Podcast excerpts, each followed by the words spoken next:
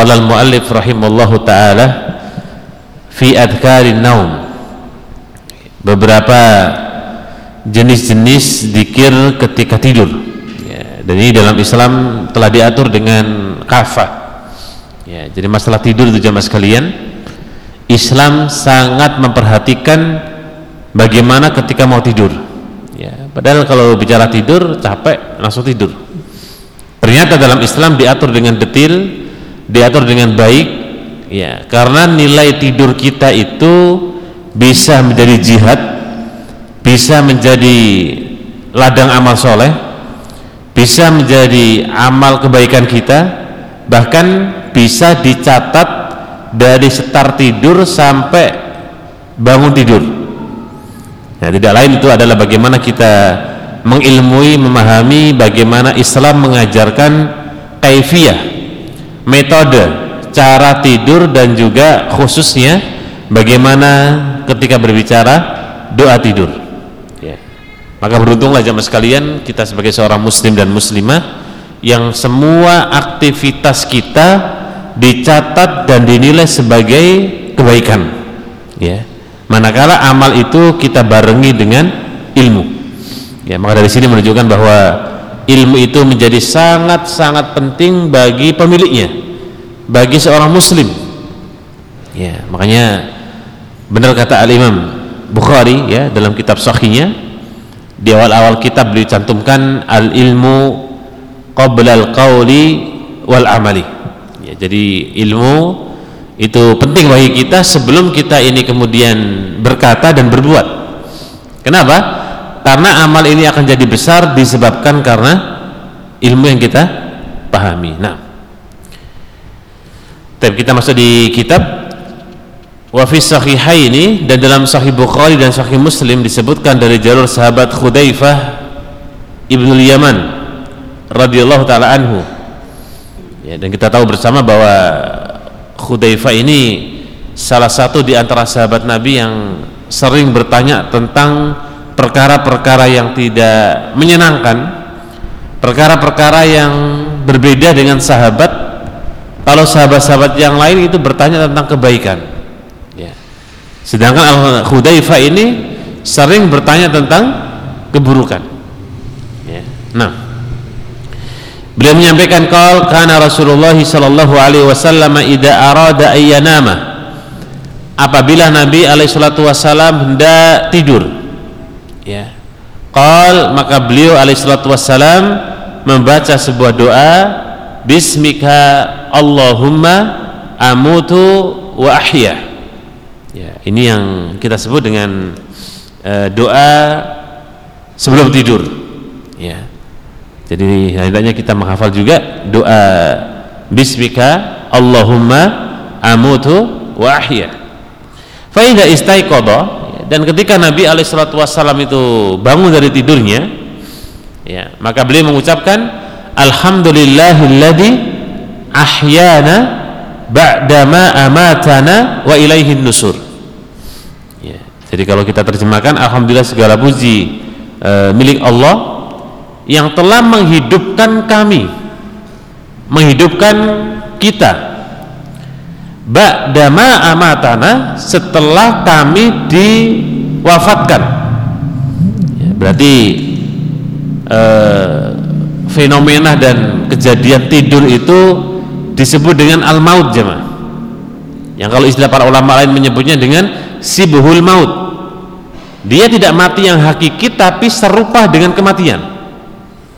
Ya, jadi kalau kita ingin tahu rasanya mati ya nah pas tidur. Bangkit-bangkit bangun-bangun sudah pagi. Ya. Nah proses antara tidur kita setarnya awal sampai bangun itu nggak ada orang yang ingat jemaah. Ya nggak ada orang yang ingat.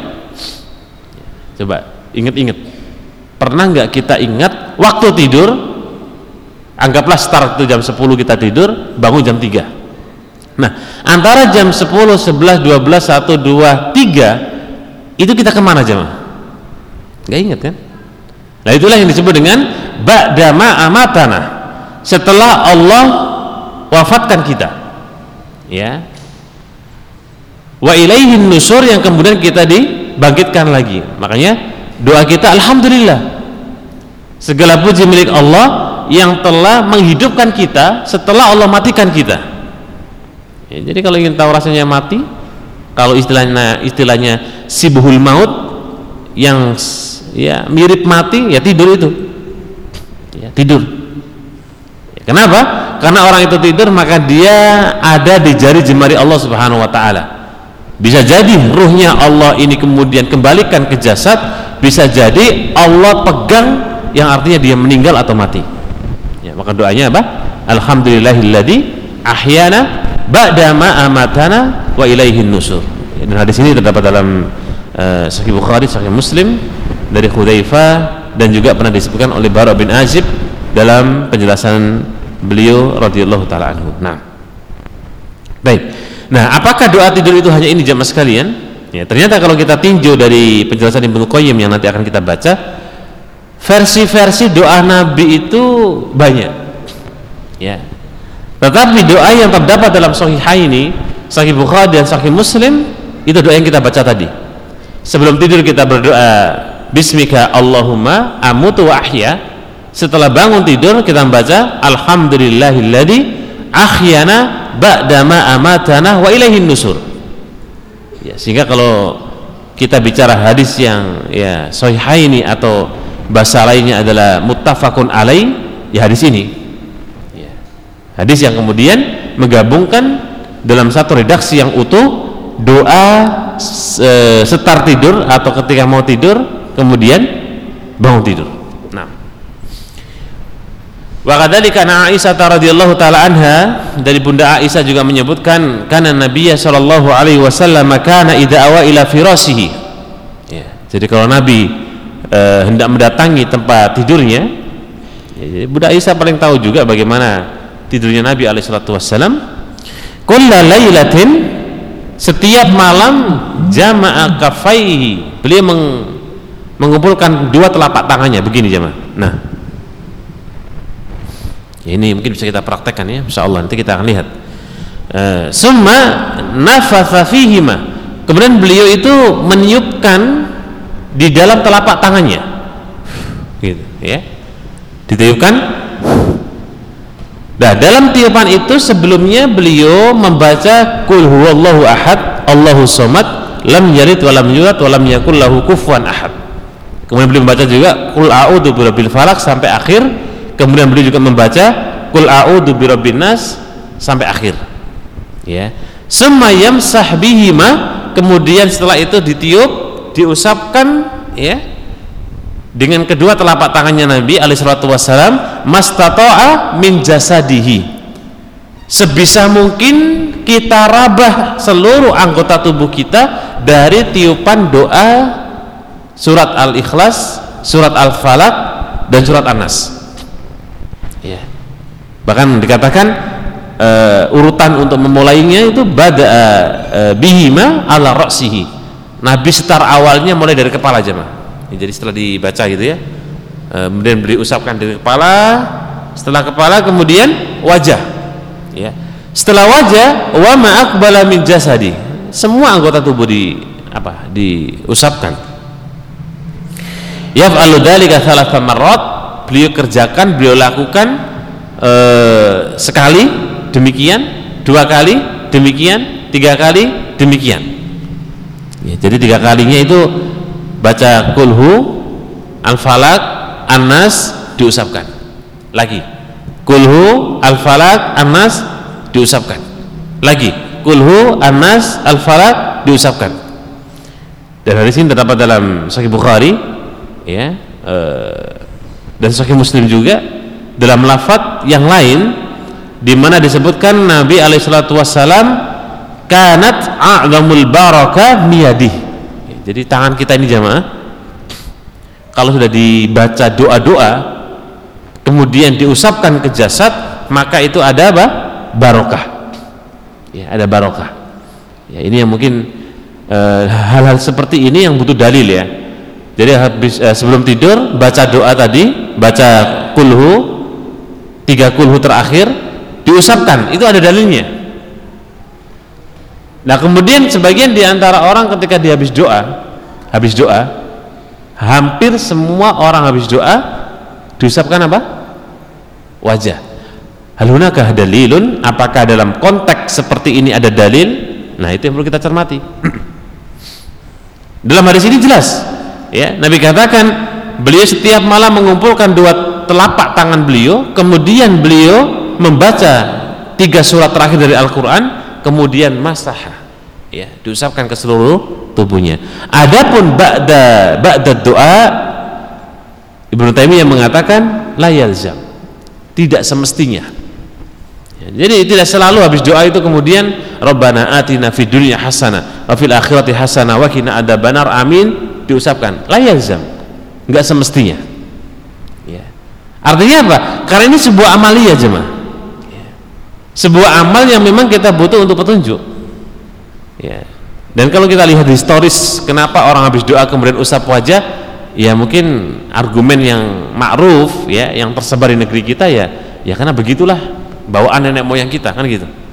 Jadi habis doa yang ngusapin ke wajah nggak harus layal zam ya layal zam nah nah terkait dengan hadis yang mulia ini jemaah rahimani wa rahimakumullah eh, dikomentari oleh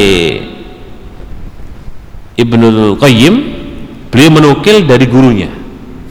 Ya, jadi Ibnu Qayyim menulis di buku ini tetapi beliau menukil perkataan gurunya Ibnu Taimiyah rahimahullah taala. Ya.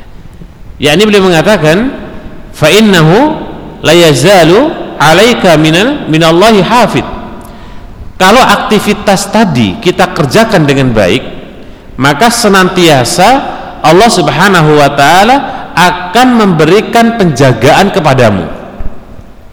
Jadi kalau tidur itu jamaah ya makanya masya Allah ya tidur itu diatur begitu ya. Begitu detailnya Islam mengatur bagaimana tidurnya seorang yang berilmu. Tidurnya orang mukmin. Ya kadang-kadang cuapek gitu ya belum sempat apa macam-macam langsung tepar tidur bangun alhamdulillah. Ya. Padahal kata Ibnu Qayyim rahimahullah taala Ibnu Taimiyah mengatakan innahu la yazalu alaika minallahi hafid wala yuqarribuka syaitan. Sudah Allah jaga bisa dipastikan setan tidak akan mendekati kita. Ya. Sampai kapan? Hatta hatta tusbih. Sampai di waktu esok. Ya sampai di waktu di waktu esok. Ya, dan ini salah satu di antara perkataan yang kata Nabi alaihi wassalam wahakada dan demikianlah fadilah dikir ya fadilah apa? Fadilah dikir maka ayat-ayat yang memang disebutkan Nabi alaihissalatu wassalam juga ditambahkan oleh beliau alaihissalatu wassalam dengan ayat kursi. Dalam riwayat Sunan Abu Dawud ya dan yang lainnya untuk menyempurnakan doa tadi maka silakan ditambahkan ayat kursi ya. Kemudian kita baru tidur. Ya itu yang kemudian kata beliau rahimullah taala Allah akan jaga selama kita tidur. Yang kemudian setan tidak berani mendekat jemaah. Ya. Ini bertanda bahwa di saat kita tidur ada kemungkinan setan mendekat kepada orang yang di mana tidak dikir kepada Allah Subhanahu wa taala. Faqat rawa al-Imam Ahmad bin Hanbal rahimallahu taala dari sahabat Abu Darda. Beliau pernah mengatakan ya, dan juga disebutkan oleh Abu Mas'ud Al-Ansari ya, bukan Abdullah bin Mas'ud jemaah ya tapi Abu Mas'ud Al-Ansari radhiyallahu taala anhu man qara'a bil ayataini fi akhir suratil Baqarah siapa yang membaca akhir atau dua ayat terakhir dari surah Al-Baqarah? Fi kulli lailah setiap malamnya ya maka Allah Subhanahu wa taala kafatahu Allah akan cukupkan untuk dia ketika tidur ya. Dan dua ayat terakhir dari Al-Quran surah Al-Baqarah itu kita mulai dari amanar rasulu bima unzila ilaihi min rabbi wal mu'minun. Kullun amana billahi wa malaikatihi wa kutubihi wa rusulihi. La nufarriku baina ahadin min rusul. Dan seterusnya ayat sampai fangsurna alal qaumil kafirin. Ya itu silahkan dibaca. E, dua ayat terakhir di surah Al-Baqarah sebagaimana dalam hadis yang disebutkan oleh Al Imam Bukhari, ya, Abu Dawud dan yang lainnya. Nah, dan juga mana daripada kalimat kafat Allah cukupkan bagi orang tersebut min qiyamil laili wa laisa bisyai. Jadi makna daripada Allah cukupkan bagi dia membaca dua ayat terakhir dari surah Al-Baqarah Allah cukupkan waktu malam itu jemaah. Ya. Sebagian di antara ulama mengatakan Allah berikan barokah. Sebagian lagi mengatakan Allah Subhanahu wa taala berikan penjagaannya. Sebagian lagi mengatakan Allah Subhanahu wa taala berikan kebaikan selama dia sampai pagi. Mau pilih pendapat yang mana? Masya Allah semuanya besar pahalanya.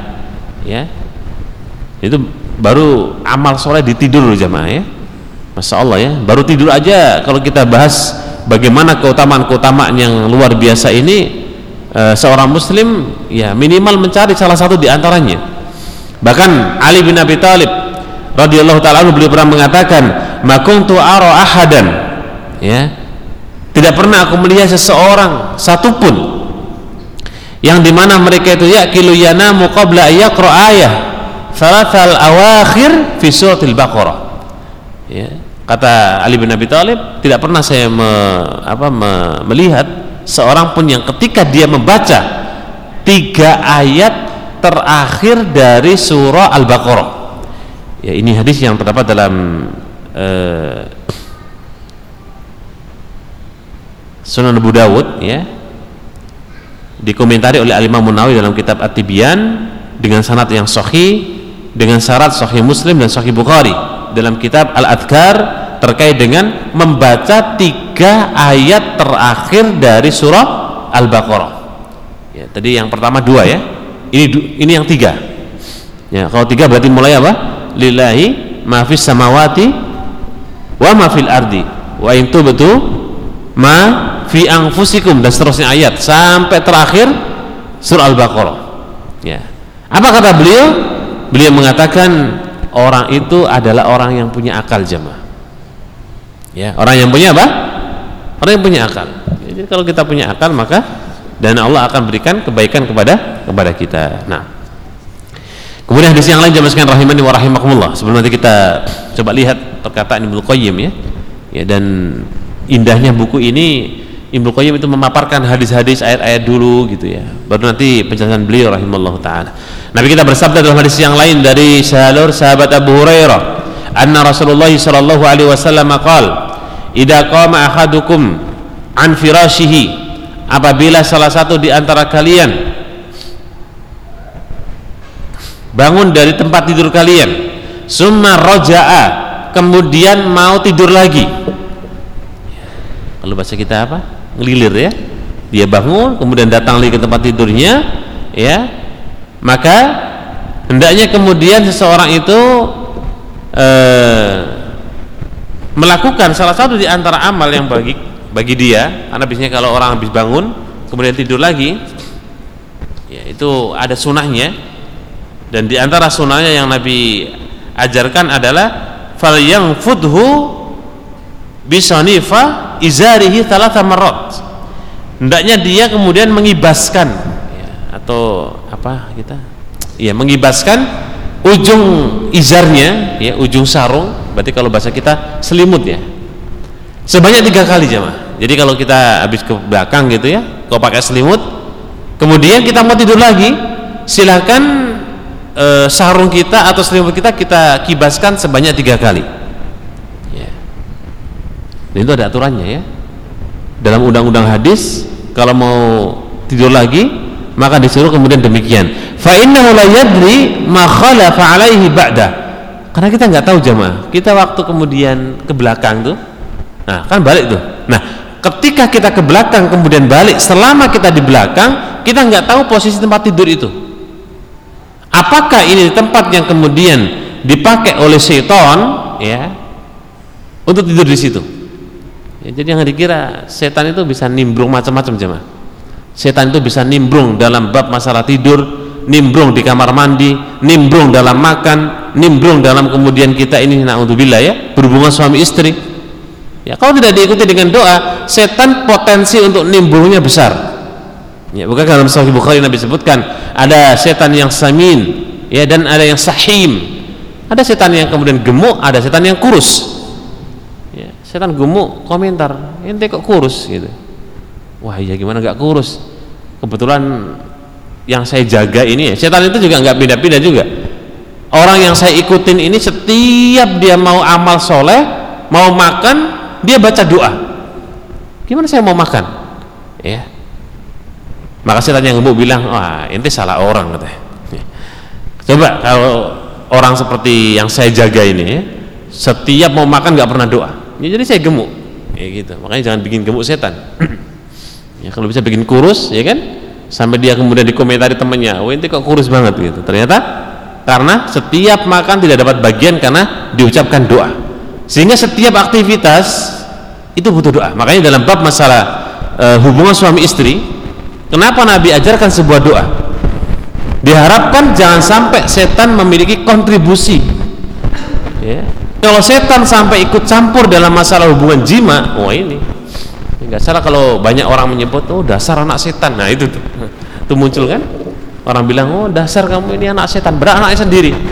Ya mungkin waktu bikinnya setan urunan. Ya. Ini ada hati ya mas jadi keterlibatan setan dalam semua aktivitas amal kita itu kalau tidak dibarengi doa. Apa pun itu, bahkan di kamar mandi. Makanya ketika masuk kamar mandi ada doanya yang sudah kita bahas di pertemuan yang lalu, ya. Di mana doanya adalah kita berlindung kepada Allah dari setan wanita dan setan laki-laki atau setan laki-laki dan setan wanita. Ketika masuk kamar mandi, doa tersebut semua tertutup dari pantauan setan ketika keluar kita berdoa gufronaka semoga Allah ampuni kita. Dan pakai baju juga semua ada doanya. Ya, dan tidur juga demikian. Sampai dalam bab masalah kita mau ke belakang ketika tidur kemudian balik lagi kenapa Nabi perintahkan untuk kemudian mengibaskan ya izar kita atau selimut kita sebanyak tiga kali? Ya, ternyata ada alasannya setan bisa menempati tempat tersebut. Sehingga kita ibaskan ya Faliyakul di saat sudah kembali ke tempat duduknya, tempat tidurnya, maka Nabi kita alaihi wasallam mengajarkan doa bismika Allahumma rabbi wa du'tu janbi wa bika arfa'hu. Jadi ya Allah uh, aku letakkan ya, aku menyebut namamu dengan kemudian membaringkan punggungku ya, agar kemudian tidak diganggu oleh oleh setan dan semoga engkau rahmati aku. Jadi ada doa-doa yang kemudian kita panjatkan jemaah. Ya, dan begitulah bagaimana ajaran Nabi kita Muhammad alaihi salatu wassalam. Nah wa fi sahihaini an Abi Hurairah radhiyallahu taala anhu idza staiqada ahadukum min naumihi apabila seseorang itu kemudian bangkit dari tidurnya falyakul maka silakan ucapkan. Ini versi doa yang kedua bangun tidur ya. Nabi kita bersabda alhamdulillahilladzi afani fi jasadi. Alhamdulillah ya Allah saya sehat. Alhamdulillah engkau berikan jasadku sehat. Waradda alayya ruhi. Alhamdulillah ya Allah engkau kembalikan arwahku. Ya. Wa adina li bidikri. Dan Alhamdulillah ya Allah engkau izinkan aku untuk ingat kepadamu. Ya ini hadis terdapat dalam uh, Sunan Turmudi, Ibnu Majah dan Syalbani rahimahullah taala mensahihkan hadis ini. Artinya apa jemaah sekalian? Ketika kemudian doa ini kita baca berarti kan kita bersyukur gitu. Tapi kadang-kadang faktanya kadang-kadang kita bangun tidur wala doa wala apa. Ya karena menjadi apa? Rutinitas yang setiap hari kita lakukan, kecenderungan seseorang itu lupa untuk bersyukur. Ya, itulah perkataan Ibnu Saimin rahimahullah taala kecenderungan kita itu sesuatu yang menjadi rutinitas setiap hari kita kerjakan maka kecenderungannya kita nggak bersyukur. Yang usah jauh-jauh contoh sederhana aja. Nafas. Ada nggak di antara kita yang mungkin setiap hari kita bersyukur ya Allah Alhamdulillah engkau berikan nafas. Alhamdulillah ya Allah engkau berikan kita ini saya ini menghirup udara yang nggak ada campuran apa bau yang lain gitu. Ya kan jarang kan? Kenapa? Karena nikmat bernafas itu rutin Allah berikan. Sehingga kita itu kecenderungan tidak bersyukur dengan itu. Padahal masya Allah. Kalau kemudian kita mau bersyukur dengan nikmat nafas, itu masa Allah ya. Maka benar kata Allah Subhanahu wa taala fa in ta'udu nikmatallahi la tuksuha jikalau seandainya kita ini mau menilai ya besaran nikmat Allah yang diberikan kepada kita masing-masing kita nggak mampu jemaah. Kita nggak mampu. Ini baru nikmat nafas saja. Kalau kita hitung dari kita lahir tuh ya bukan cuma lahir ya di dalam rahim ibu kita itu kan ada itu proses nafas bayi ya kan? bahkan sebelum kita menjadi e, jasad yang utuh itu sudah ada denyut nadi atau jantung itu kan nikmat mana ada orang yang kemudian syukur secara signifikan mengatakan Alhamdulillah ya Allah dengan kau berikan nafas yang lancar nggak ada bau yang juga mampir atau juga kemudian setiap hari nafas ya jarang tapi kalau dapat nikmat uang tiba-tiba rezeki ada orang ngasih atau apa langsung bilang 10 juta Alhamdulillah. Ya? Makanya perlu kita sadari bahwa nikmat yang sifatnya rutinitas wajib dan patut untuk kita syukur. Termasuk bangun tidur jam bangun tidur itu orang sebagian di antaranya mengatakan ya udah tidur bangun pasti gitu ya. Seakan-akan jadi sebuah kepastian. Padahal dalam doa hadis ini ya di mana kemudian Nabi ajarkan farodda alayya ruhi. Alhamdulillah ya Allah gue kembalikan arwahku nah coba kalau nggak dikembalikan jemaah. Karena ada kan fenomena orang-orang tidur bablas gak balik-balik. Ya. dan pernah kita coba juga orang tidur akhirnya meninggal. Ya mungkin Allah subhanahu wa ta'ala pegang ruhnya akhirnya dijabut sekalian. Ya. ada yang tanya Ustaz gimana tuh rasanya? Kira-kira kalau tidur terus bablas sekalian kan ruhnya nggak dijabut langsung ya? Nah ini pertanyaan yang Masya Allah ya. Ya tetap merasakan kesakitan jemaah keluarnya ruh itu dalam kitab Akamul Janais ketika membahas bagaimana e, perjalanan ruh keluar dari jasad manusia itu jabutan yang sangat menyakitkan hatta itu orang yang beriman. Ya cuma memang rasa sakitnya itu tidak sesakit orang-orang kafir. Oh nabi kita aja kesakitan. Nabi kita itu sampai kemudian diminta minta kepada Allah subhanahu wa ta'ala agar penjabutan roh tidak sesakit yang pertama kedua ya, akhirnya yang ketiga sakit tetap tetapi lebih ringan. Ya. demi siapa nabi kita minta eh, kepada Allah subhanahu wa ta'ala sampai diulang tiga kali? Ya beliau demi kita semua umatnya alaihi salatu wassalam. Ya. nah baik. Sehingga berbicara masalah bangun tidur ya ini kalau kita perhatikan dengan seksama begitu luar biasanya dengan detil Nabi alaihi salatu wassalam mengajarkan kepada kepada kita. Bahkan taqaddama hadis Ali bin Abi Thalib ketika beliau mendapatkan wasiat dari Nabi alaihi salatu li Fatimah binti Muhammad. Ya, jadi ketika Ali pernah mendengar wasiatnya Nabi putri Nabi bertama Fatimah juga mendengar wasiat Nabi ini. Yang akhirnya kemudian Fatimah dan Ali menjadi pasangan suami istri. Ya. Di mana kemudian keduanya mengatakan mayusbiha ida akhada madaji'ahuma. Apabila mereka berdua Ali dan Fatimah radhiyallahu ta'ala anhuma ketika mereka ini mau mau tidur mereka mengucapkan subhanallah salasan wa salatina 33 kayak dikir tuh ya subhanallah subhanallah subhanallah subhanallah subhanallah. Wa yahmida atau wa yahmida thalatha wa thalathina uh, marrat. Kemudian bertahmid ya, sebanyak 33 juga wa yukabbira arba'an wa kemudian takbir sebanyak 34 jadi kalau di total berapa? 100 ya. apa kata Nabi SAW karena ini kisah ketika kalau tidak salah Fatimah minta kepada Nabi seorang khadim ya, minta apa? Pembantu. Ya mungkin karena ngurusin anak ngurusin suami ngurusin ini datanglah Fatimah kepada Nabi Alaihissalam datanglah beliau kepada ayahandanya minta budak minta pembantu akhirnya kemudian mau nggak saya berikan kepadamu yang lebih daripada pembantu gitu kurang lebih akhirnya kemudian diajari doa tadi jemaah Nah, kemudian Nabi katakan dalam sebuah hadis, faqal Nabi kita bersabda, "Wa khairun lakuma min khadim."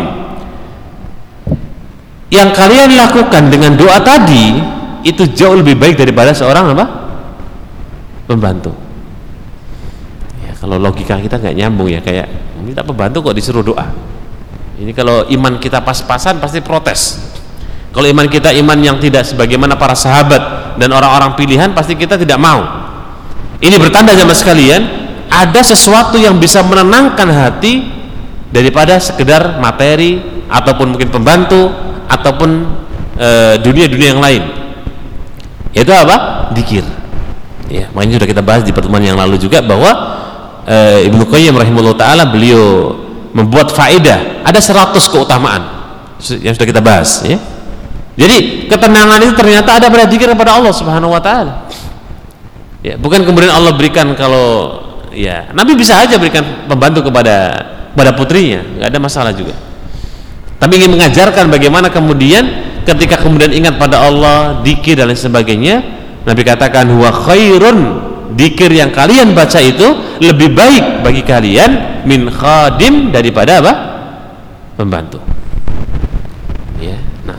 Baik faqala Syekhul Islam Ibnu Taimiyah. Ya, jadi buku ini bagusnya juga adalah penulis Ibnu Qayyim sering menukil perkataan gurunya.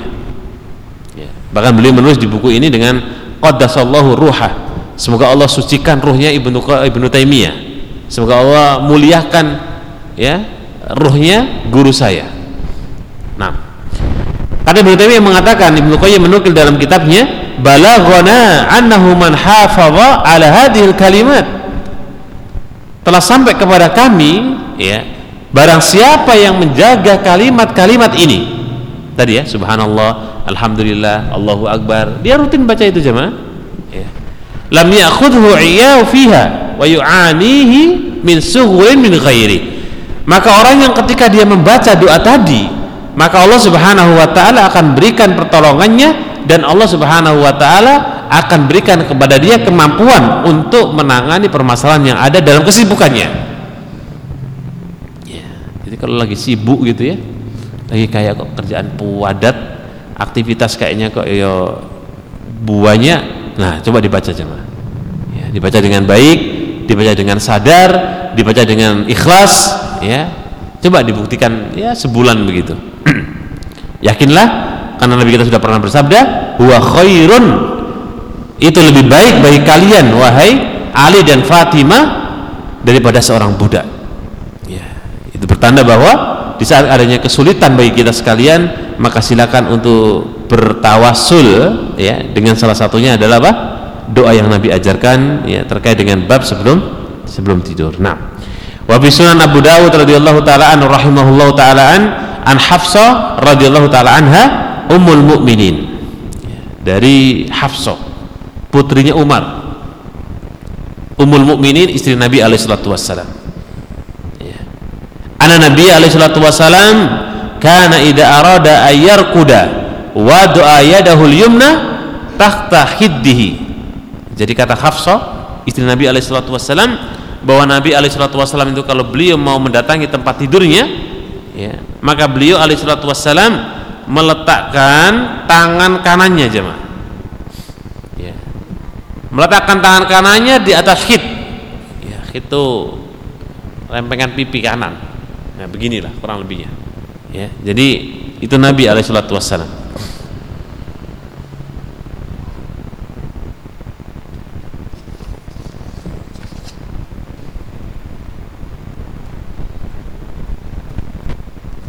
Ya, seraya kemudian Nabi alaihissalam berdoa, ya, setelah meletakkan tangan kanannya di atas hitnya, Allahumma kini adabaka yawma tub'as. Ya Allah ya selamatkan aku dari adabmu. Nabi yang berdoa ya Ma'ai dan kita lebih layak lagi untuk berdoa ini ya. Di mana di hari kita akan dibangkitkan pada hari itu. Ya. dan Nabi baca sebanyak tiga kali jemaah. Ya Allahumma kini adabaka yawma tub'as ibadak. Ya Allah selamatkan aku selamatkan kami dari adabmu pada hari nanti dibangkitkannya seorang hamba. Beliau baca tiga kali terus seperti itu sambil melamun gitu ya atau sambil termenung sambil uh, muhasabah kemudian kita berdoa. Ya. nah wa fi sahih muslim an Anas bin Malik radhiyallahu taala anhu. Ya dari sahih muslim dari Anas bin Malik Nabi kita pernah bersabda kana idza awa ila firasihi. Apabila seseorang mendatangi tempat tidurnya alhamdulillahilladzi at'amana wa saqana. Dia mengatakan ya Allah alhamdulillah engkau telah berikan makan kepada kami engkau berikan minum kepada kami wa kafana wa awana. Engkau cukupkan kami engkau jaga kami. Fakam mimma la kafau la kafai lahu wala muawi. Kata Nabi SAW maka tidak ada yang memiliki kecukupan dan perlindungan kecuali engkau ya Allah maka Allah subhanahu wa ta'ala akan cukupkan bagi dia di hari esoknya. Ya, dan ini juga salah satu di antara keutamaan-keutamaan apa? E, dikir dan doa sebelum tidur. Nah. Tapi jemaah sekalian kaum muslimin uh, rahimana wa rahimakumullah dan sebenarnya masih banyak ya eh, penguat-penguat yang lain ya, yang di mana fima makna kurang lebih ya se semakna dengan apa yang kita sudah bahas kita skip aja ya. kita masuk di poin penting juga ini masih bab masalah tidur. Bagaimana ketika seorang itu tidur dan dia mimpi jemaah? Mimpinya adalah yakroha wa yuhibbuha. Ada yang dia senang ada yang gak dia senang. Ya, mimpi buruk gitu deh. Atau mimpi baik.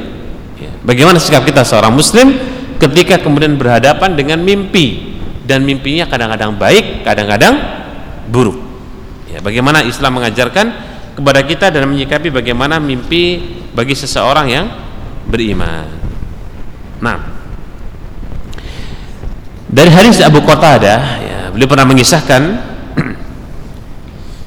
bi'annahu sami'tu Rasulullah sallallahu alaihi wasallam. Ya, bahwa uh, Abu Qatadah ini pernah kemudian beliau mendengar Nabi alaihi salatu wasalam uh, berkata ya bersabda. Dan ini menunjukkan uh, kedekatan Abu Qatadah ya. Karena kalau dalam hadis ada kalimat sami itu itu menunjukkan bahwa beliau berada di tengah-tengah Nabi alaihi salatu wasalam di saat hadis itu disampaikan oleh oleh Nabi alaihi salatu wasalam nah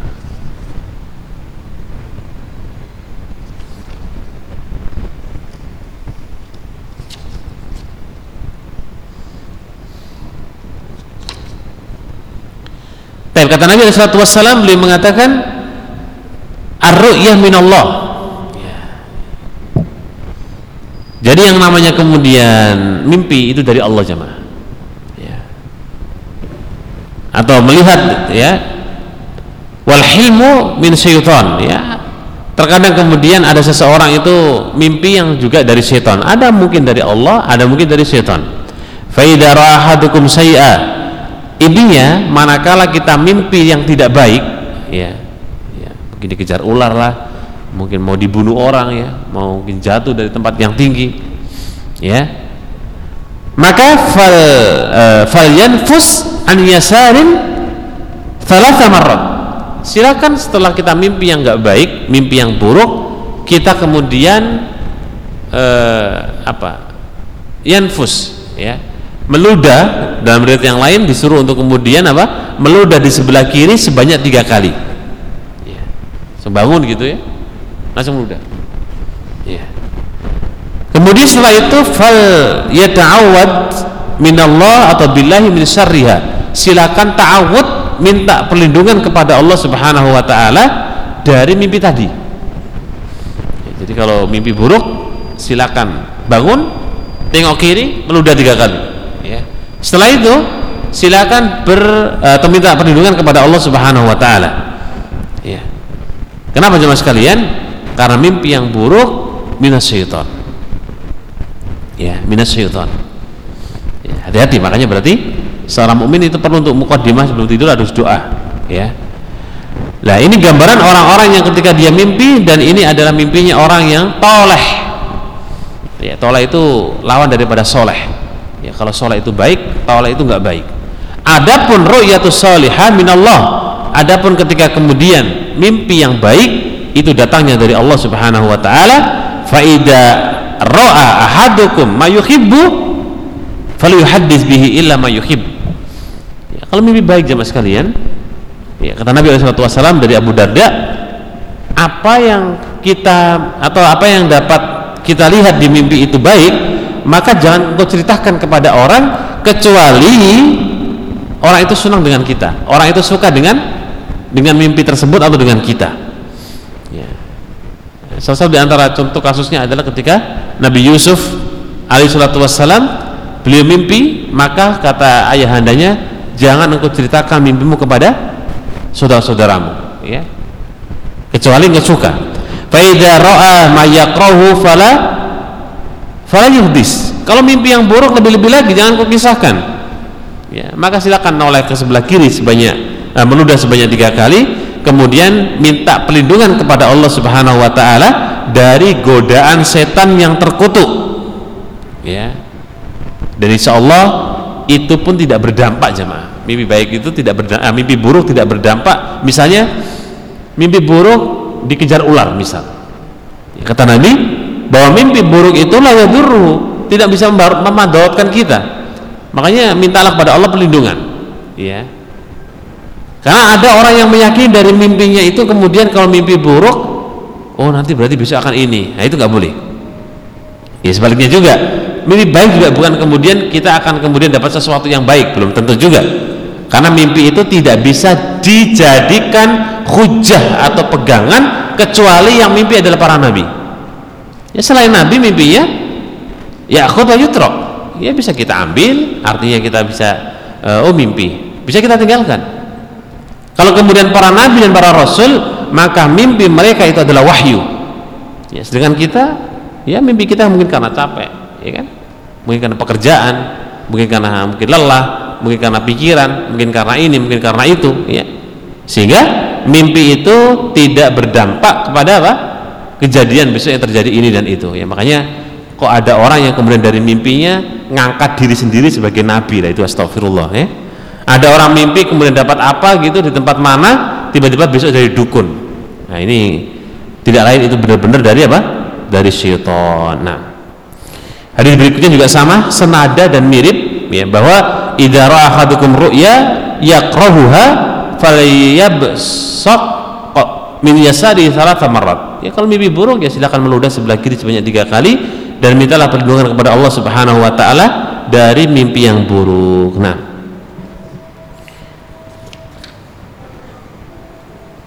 Nah terkait dengan mimpi jamaah sekalian, kalau seorang itu mimpi kebaikan terus menerus gitu ya, semoga Allah Subhanahu Wa Taala berikan kepadanya kebaikan dalam tidurnya. Karena biasanya kalau orang tidur itu mimpi baik, maka dia bangun dalam kondisi yang apa berseri-seri, ya senang. Ya, misalnya mimpi punya istri cantik gitu ya kaya wah tahu gitu nggak bangun ya. Tidur terus gitu. Bangun-bangun masya Allah itu kan rasanya senang. Eh bangun sedih lagi. Maunya tidur lagi tidur lagi ganti lagi mimpi punya istri yang nggak tadi. Oh gitu. Beda orang. Wah mimpi itu ajib gitu ya. Kadang-kadang bikin unik ya. Atau ketika mimpi kemudian dikejar anjing dikejar ular atau mau dibunuh orang atau jatuh dari tempat yang tinggi ya. Itu kita juga kadang-kadang kalau bangun ngos-ngosan khawatir takut dan lain sebagainya. Makanya kalau mimpi baik ya bersyukurlah pada Allah. Kalau mimpi buruk tautlah kepada Allah Subhanahu wa taala minta minta perlindungan. Nah, wallahu taala alam. E, demikian sahabat sekalian yang dapat kita berikan pada malam hari ini semoga ada e, manfaatnya. Allahumma alimna ma yanfa'una wanfa'na bima 'allamtana wa zidna ilman. Assalamualaikum warahmatullahi wabarakatuh.